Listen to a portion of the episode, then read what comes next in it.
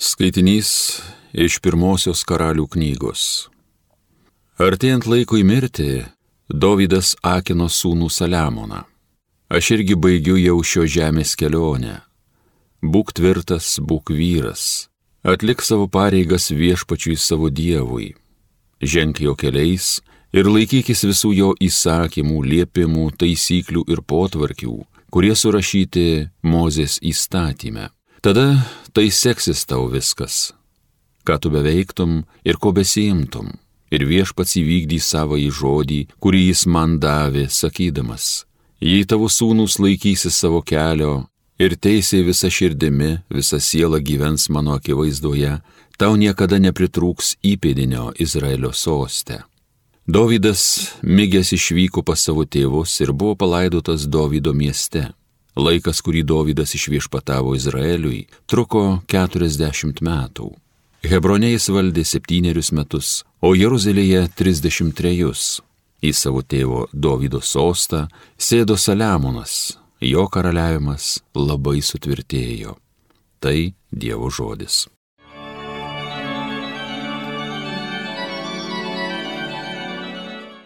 Viešpatie, tu viešpatauji visatai Šlovėtau viešpatie, mūsų tėvo Izraelio Dieve, kai buvo nuo amžių, te bus ir per amžius. Viešpatie, tu viešpatauji visatai. Tavo didybė, galybė, šlovė, spindesys ir aukštybė. Tavo gyvisa, kas tik danguje ir kas žemėje. Viešpatie, tu viešpatauji visatai. Viešpatie, tavo yra karalystė, toli galva viršum visko iškilus. Viešpatie, tu viešpatauji visatai. Turtai garbė iš tavęs ateina, tu viešpatauji visatai, tavo rankose jėga ir stiprybė, tavo rankose valdžia ir didybė. Viešpatie, tu viešpatauji visatai. Alleluja.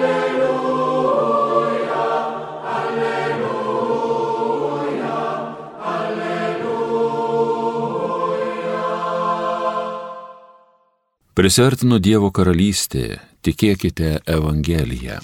Alleluja, alleluja,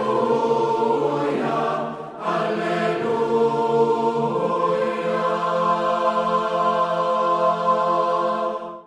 Iš Evangelijos pagal Morku.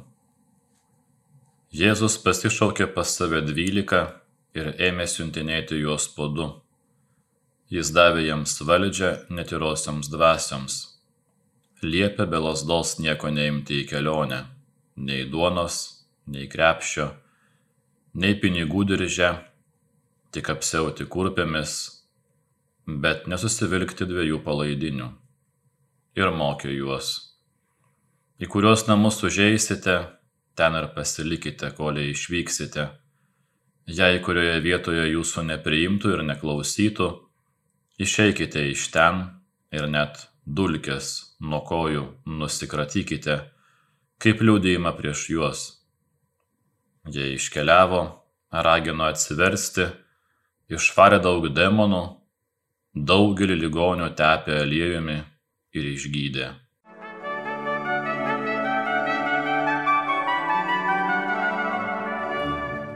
Jėzus turėjo ir turi daug jam simpatizuojančių žmonių. Tačiau kaip anuomet, taip ir dabar nėra daug tų, kurie jį seka, kurie iš tiesų yra jo mokiniai. Šios dienos Evangelijos ištraukoje girdime, jog Jėzus pasikviečia pas save dvylika. Tai reiškia tuos, kurie nuolat yra su juo, kurie jį seka. Pirmiausia, Jėzus trokšta, kad mokiniai turėtų glaudų ryšį su juo ir tik po to jis siunčia juos po du. Tik po to, kai mokinys užmesga artimą ryšį su mokytoju, kada atranda Jėzų kaip didžiausią savo gyvenimo turtą, tik tuomet jis gali ir privalo tapti gerosios naujienos skelbėju. Autentiškai Evangelija gali liudyti tik tas, kas turi glaudų santykių su Jėzumi, kas juo žavisi kaip brangiausiu turtu. Hebrajų papročių Jėzus siunčia juos po du skelbti dangaus karalystės. Kad parodymai būtų tikri, yra reikalingi mažiausiai du liudininkai. Kita vertus, Evangelijos skelbimas yra bendruomenės reikalų. Dangaus karalystė yra Dievo meilės saitais suvienytų žmonių bendruomenė. Krikščionybė nėra atskirų individų religija. Mokiniai tai privalo liudyti savo bendruomenišku gyvenimu. Jėzus suteikia mokiniams galę netyrosioms dvasioms. Netyra yra tai, kur nėra gyvybės arba kur gyvybė yra prarandama, pavyzdžiui, kapinės, lyga, kraujo praradimas. Netyros dvasios tai nėra kažkokie vilniukščiai, fizinės lygos, moralinis blogis, įdos. Visa tai, kas atima gyvenimą, yra netyrosios dvasios. Jėzus mokiniams suteikia galę tai yra dievišką jėgą skelbti gyvenimą ir išvaryti visą tai, kas nėra gyvenimu. Suteikęs mokiniams savo galę, Jėzus jiems nurodo, kaip reikia elgtis. Be lasdos liepia nieko neimti į kelionę.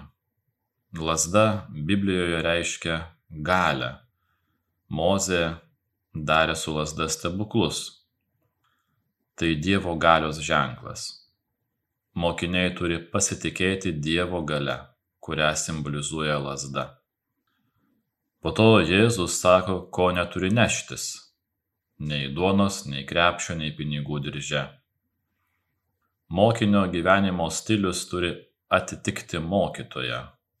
Mokinys turi būti laisvas nuo šio pasaulio gerybių, kadangi jis turi kitą lobį - dangaus karalystę.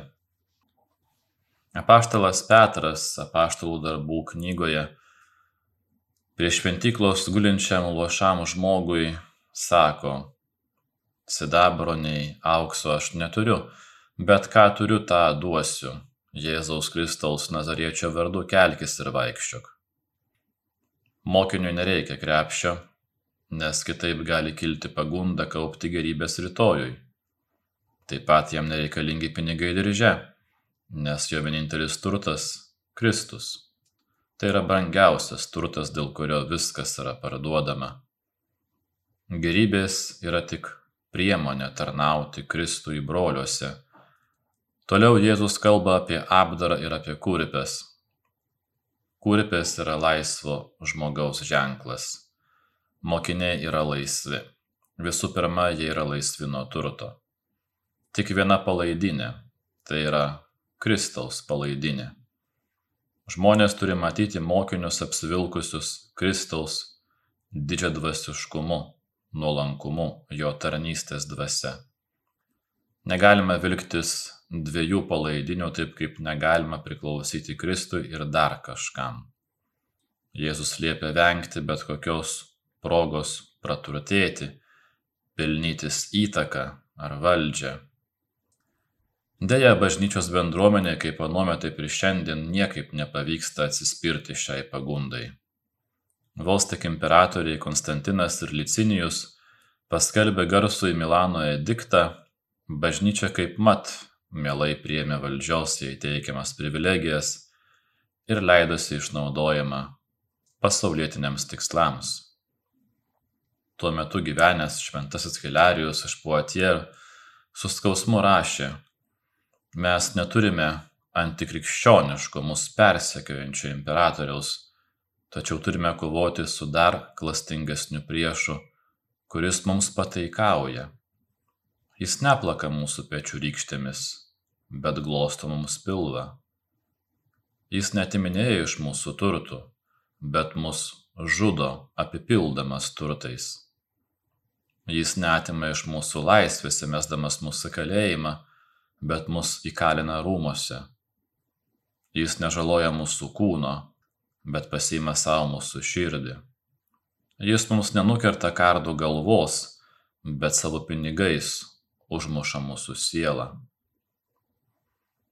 Jėzus toliau mokė apaštalus, į kuriuos namus užeisite ten ir pasilikite, kol išvyksite. Atvykus į naują vietą, Pirmoji pastogė, kurią gauname, nebūtinai yra pati patogiausia. Vėliau atsiranda galimybių ir sąlygų pagerinti savo būklę. Tai palaipsniui iš katakombų ir kuklių namų persikeliama į įspūdingas katedras ir rūmus. Jėzus įspėja apie gerosios naujienos autentiškumui pavojų keliančias grėsmes. Paskutinis Jėzaus įspėjimas mokiniams yra apie atmetimą. Jei kurioje vietoje jūsų nepriimtų ir neklausytų, išeikite iš ten ir net dulkės nuo kojų nusikratykite. Tai ne vien tik žydų paprotys neįsinešti pagoniškų dulkių į pažadėtąją žemę, bet ir kvietimas gerbti žmonių laisvę.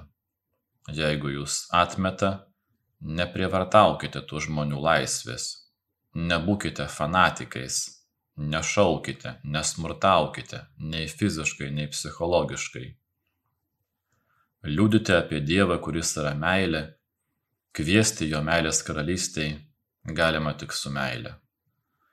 O tikra meilė gerbia laisvę. Kita dulkių nusikratymo prasmė yra kvietimas nusikratyti pagoniško gyvenimo logika šio pasaulio mąstymas braunasi į mūsų širdis pro visas duris ir langus. Todėl mes turime budėti ir neįsinešti į savo širdies namus šio pasaulio purvo tai yra privalome nusikratyti jo dulkes mokiniai klausėsi mokytojo nuorodų išėję jie skelbė atsivertimą tepdami aliejumi gydė ligonius dovanojo gyvenimą ir davė pradžią naujam pasauliui.